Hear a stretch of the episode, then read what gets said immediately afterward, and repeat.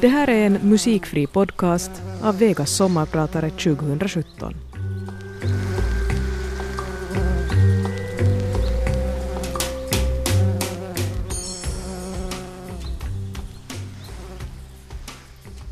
Jag går omkring i det hus jag nu måste vänja mig vid att kalla mitt istället för vårt.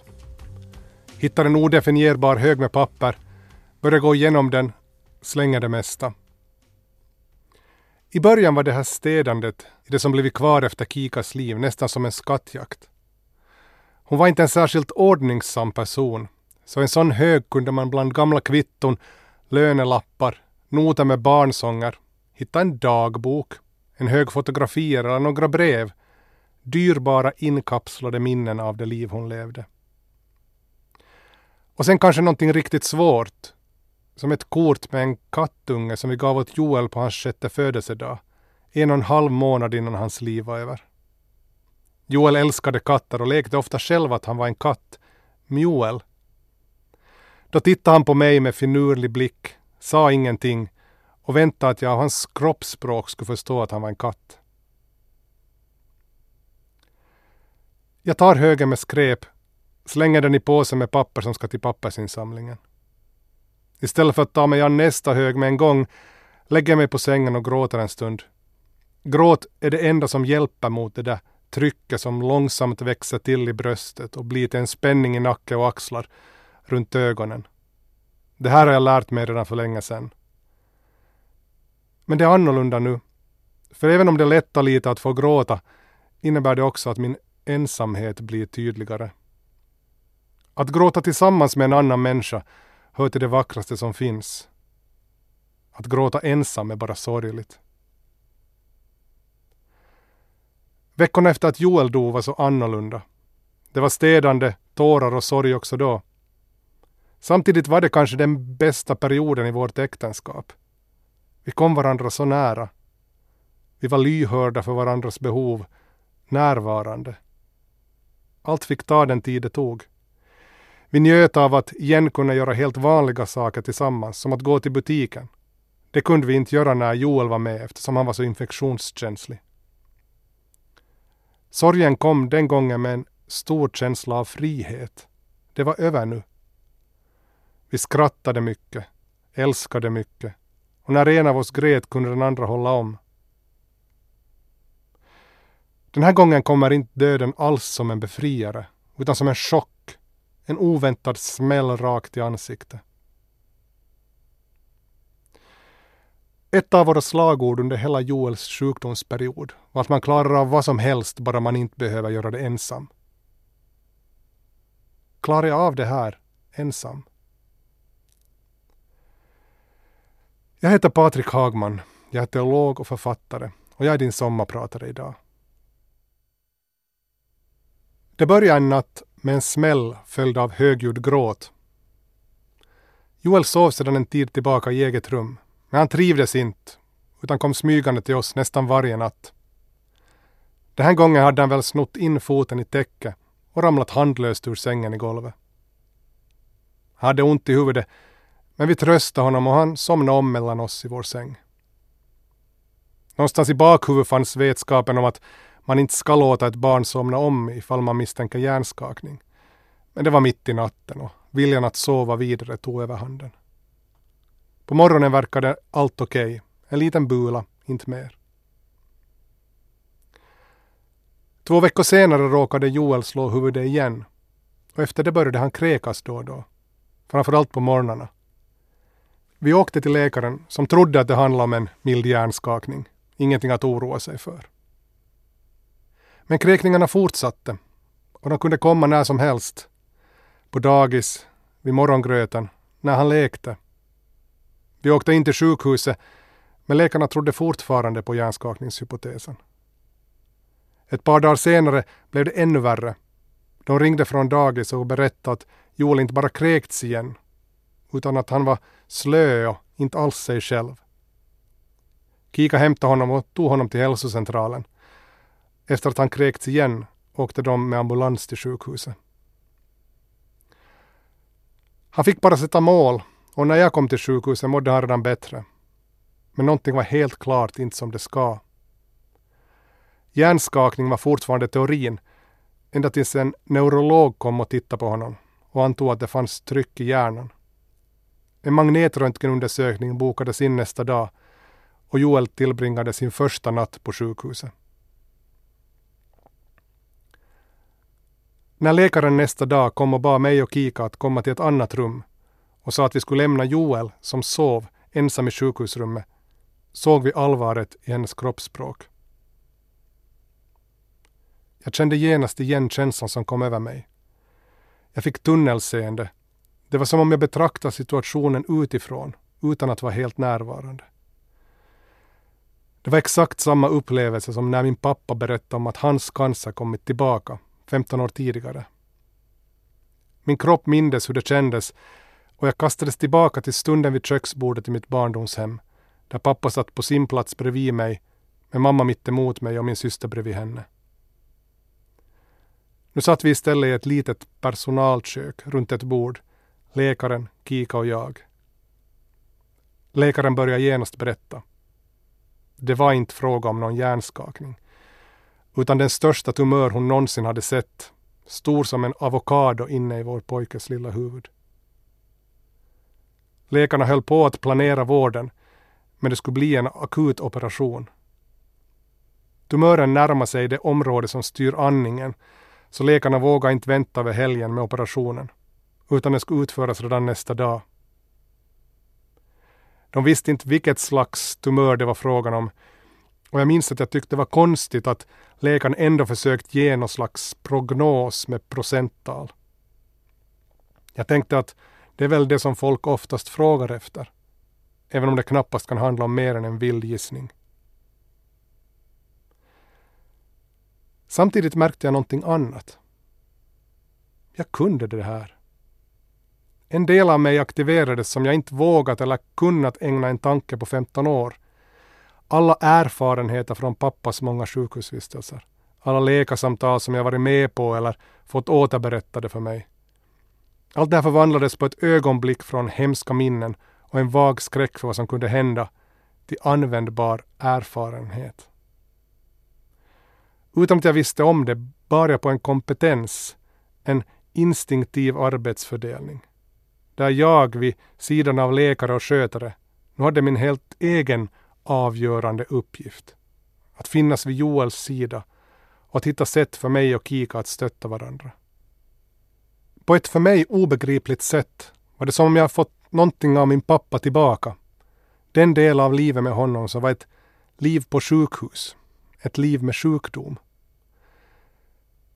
Jag kände på något vis hans närvaro i allt det bekanta som kom tillbaka. Som om någonting av hans person, för mig, fanns inflätad i hela sjukhusvärlden. Också andra saker var helt självklara. Så fort vi hade sett till att Joel hade det bra och av läkaren fått veta vad som skulle hända de närmaste timmarna tog jag min telefon. Först ringde jag min mamma och berättade vad som hänt. Den andra personen jag ringde till och som jag visste jag måste ringa till var Berit, en äldre kvinna i församlingen jag växt upp i. Berits främsta funktion just då var att hon är en människa som ber. Jag behövde inte förklara vad jag ville. Jag berättade bara helt kort vad som hade hänt och bad henne åka hem till min mamma som också är hennes goda vän. Då visste jag att budet skulle gå vidare och att hela det här märkliga nätverket som kallas kyrkan på några timmar skulle aktiveras och börja be för oss. Efter några dagar fick vi höra om nunnor på andra sidan jorden som bad för Joel. Och nätverket fortsatte att växa under hela Joels sjukdomstid. Vi var inte ensamma och därmed kunde vi fokusera på det vi hade att göra. Sorgen är många saker. Den är bland annat en känsla. När den kommer är den helt ordlös, helt utan färg. Som sån är den mycket vacker, liksom ren och helt utan smärta. Men det är svårt att ta emot den utan att sätta ord på den, utan att klä den i någonting konkret. Och här ligger frågorna nära till hands. Varför hände det här mig? Varför måste min son dö? Min fru? Varför fick de inte leva fullånga liv? Leva upp till hela sin potential? Joel var sex år. Kika var 38. Min pappa hade fyllt 50. Alla hade de mycket kvar att leva, uppleva och ge. Det här går inte att förneka. Att klä sorgen i den typen av frågor är en möjlighet. Men det leder ingen vart. Frågorna har inga svar. Och om man ger sig hän åt dem förstärker de bara känslan av det meningslösa i tillvaron. Och risken är stor att man fastnar i känslor som självömkan och bitterhet. Alternativet, om man inte klarar av att hålla kvar den där ordlösa, klara sorgen, är att vända den till tacksamhet. Då vänds i bästa fall sorgen till en saknad som bevarar någonting av den där rena sorgens skönhet. Sorgen blir då en påminnelse om den kärlek och glädje som man fått dela. Och istället för att tyngdpunkten läggs på min saknad och smärta förflyttas den till den person som jag saknar och vars närvaro i mitt liv trots allt förblir en gåva, även när den tagit slut.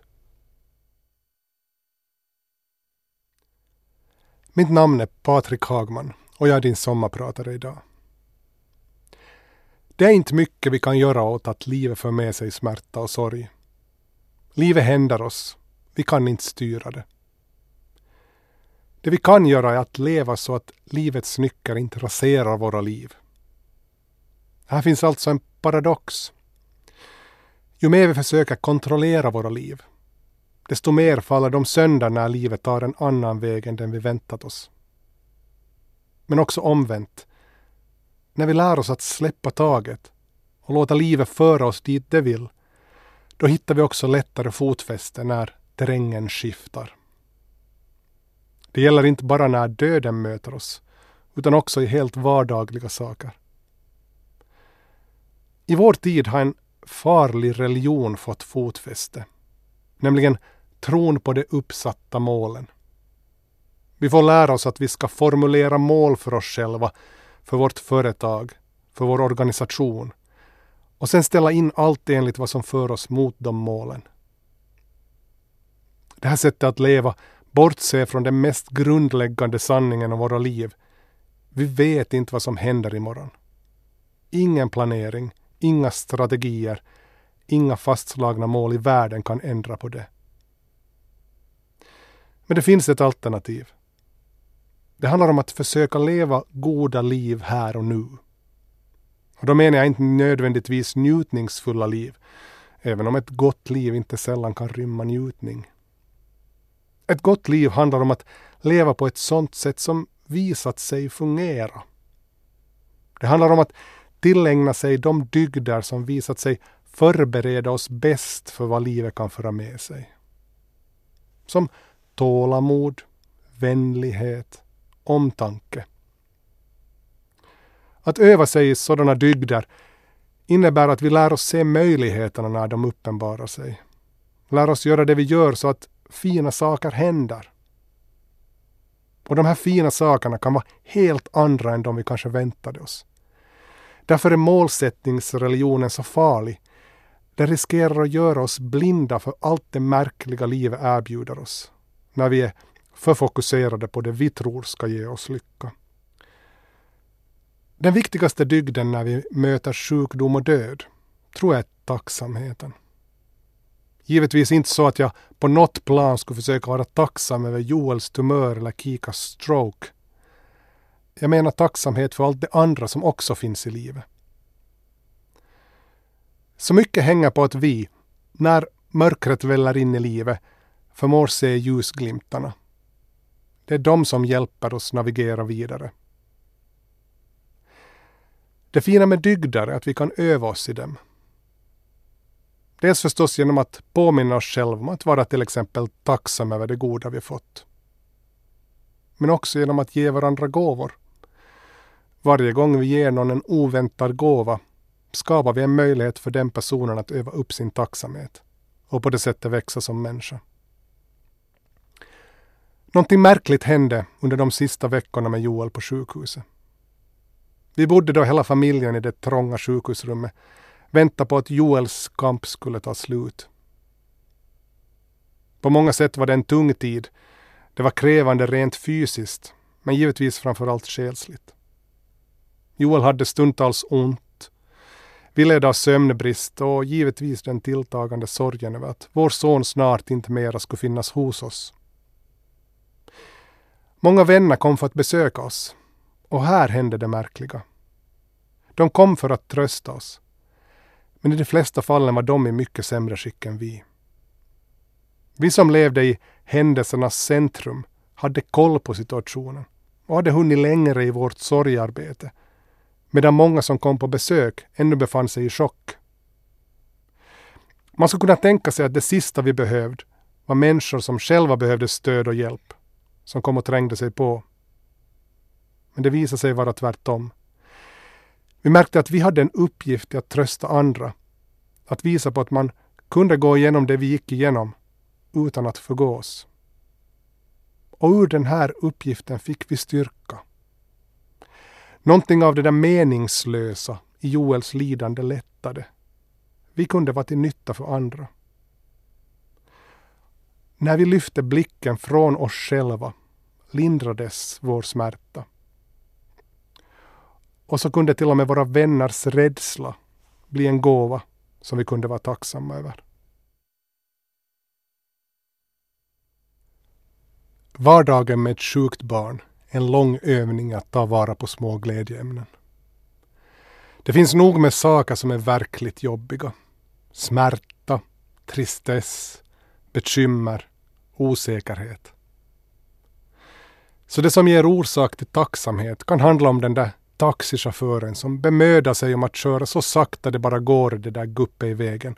Som får Joel med sin stela nacke att säga aj varje gång vi kör förbi den. Eller ett blodvärde som blivit så pass bra att Joel slipper en av de tio medicinerna han ska plocka i sig varje dag. En dag, efter att Joel varit isolerad länge, får vi tillstånd av läkarna att ta ut Joel på en liten promenad.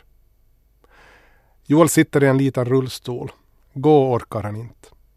Men det är solsken, klar luft och lite omväxling från sjukhusrummets fyra väggar ska säkert göra gott. Vi går en liten runda och hur det nu kommer sig går vi förbi en lekpark. Joel har inte varit i en lekpark sedan han blev sjuk på grund av smittorisken. Men nu är där inga andra barn. Och så ser vi ett slags gunga vi aldrig sett förut, liksom formad som en stor tallrik, som gjord för en liten pojke som inte kan sitta själv eller stå, men som älskar att gunga. Eller så kan det handla om att få en pojke som knappt orkar stå på benen för att han har fått så starka mediciner och varit sängliggande i flera veckor, att förstå varför han måste duschas morgon och kväll. Under de starkaste behandlingarna var vi isolerade i samma rum i sex veckor. Alla som kom in i rummet måste ha skyddskläder på sig för att minimera risken för att någon bakterie skulle leta sig in till Joel, som då hade noll immunförsvar. Av samma orsak måste han alltså tvättas två gånger om dagen och han absolut hatar det. Det är kallt, det gör ont i hans svaga ben och det stör hans sängliga tillvaro. Han gnyr först, sen går det över i gråt och till sist skrik. Det är så hemskt och det finns inget sätt att göra det mindre jobbigt. Så då måste man se till att stunden efteråt, när det äntligen är över och Joel sitter i min famn med dubbla handdukar omkring sig, att den verkligen räknas. Då är man noggrann med att handduken täcker hela kroppen, från den hårlösa gässan ner till tårna.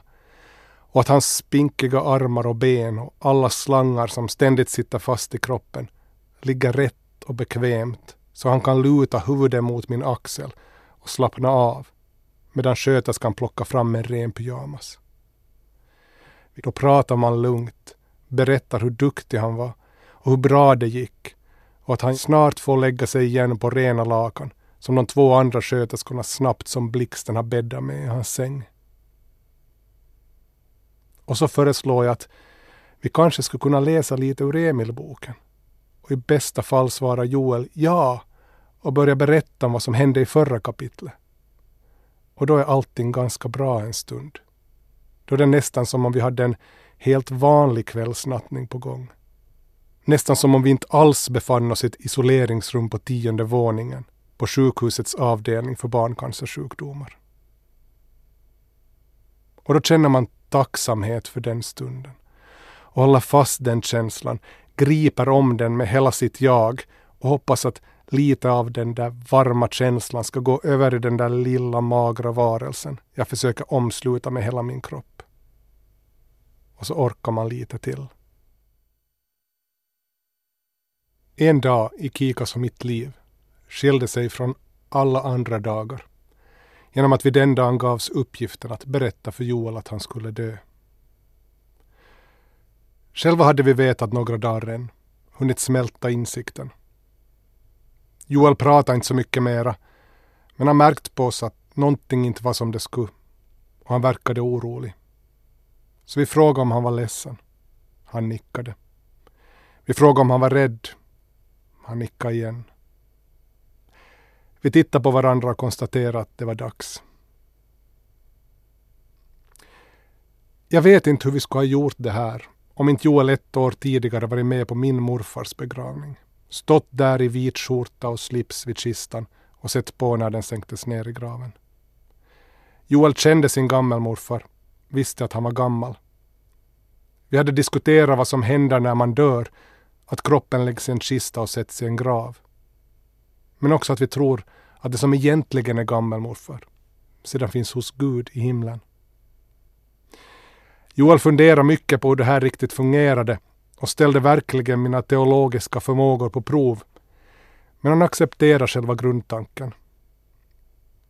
Vi hade också sagt att på begravningen kommer människor att vara ledsna och gråta för att de saknar gammelmorfar. Så Joel tog det hela som en lite mer spännande dag med mycket nytt att upptäcka.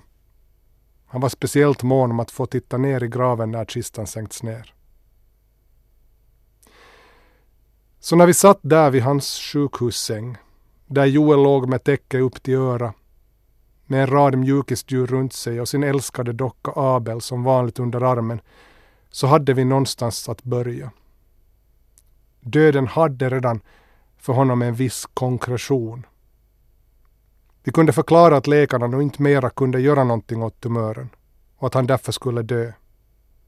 Vi påminde om vad som hänt med gammelmorfar. Att vi sagt att det bara var hans kropp som låg i graven medan gammelmorfar själv var i himlen. Vi sa att han nu skulle få träffa gammelmorfar och också sin egen farfar som han aldrig träffat men funderat mycket på. Och att Jesus också skulle vara där. Och sen la jag till lite teologiskt finlir. Eftersom det inte finns någon tid i himlen skulle Joel genast få träffa oss igen också. Han skulle inte behöva vänta. Vi skulle vara där med honom. Vi däremot, vi måste vänta ännu ett tag på att få se honom igen. Och därför var vi ledsna och grät. Men det skulle också gå bra, för vi hade ju varandra. Självklart vet jag inte hur mycket av det här som Joel förstod. Han verkar bli lugnare, accepterade. Dagarna som följde var han stundvis piggare och då emellanåt på riktigt bra humör. Han till och med lekte för sig själv där i sängen. Han låg under täcket och sa pip. Sen tittade han fram och flinade. Och vi log tillbaka, försökte projicera all värme vi kunde tillbaka till honom. För det mesta sov han. Så gick dagarna en efter en. Joel tyna långsamt bort, blev mindre och mindre närvarande i rummet. Det är fullständigt begripligt och på sin plats att vi människor är rädda för döden. Döden är obönhörlig, ogenomtränglig och slutgiltig. Inget av allt det vi sa åt Joel om vad som händer efter döden är någonting vi har bevis för. På den här punkten slår tron emot gränsen för vårt vetande. Det enda teologin kan producera här är ett hyfsat koherent bildspråk. Det är det enda någon varelse bunden av tid och rum kan göra. Och det är helt sakligt att vara rädd för det man inte vet någonting om. Men jag tänker mig att vi också är rädda för döden på ett sätt som inte hjälper oss. Vi är rädda för att tala om den. Rädda för att tala med människor som lever nära den. Rädda för att göra fel.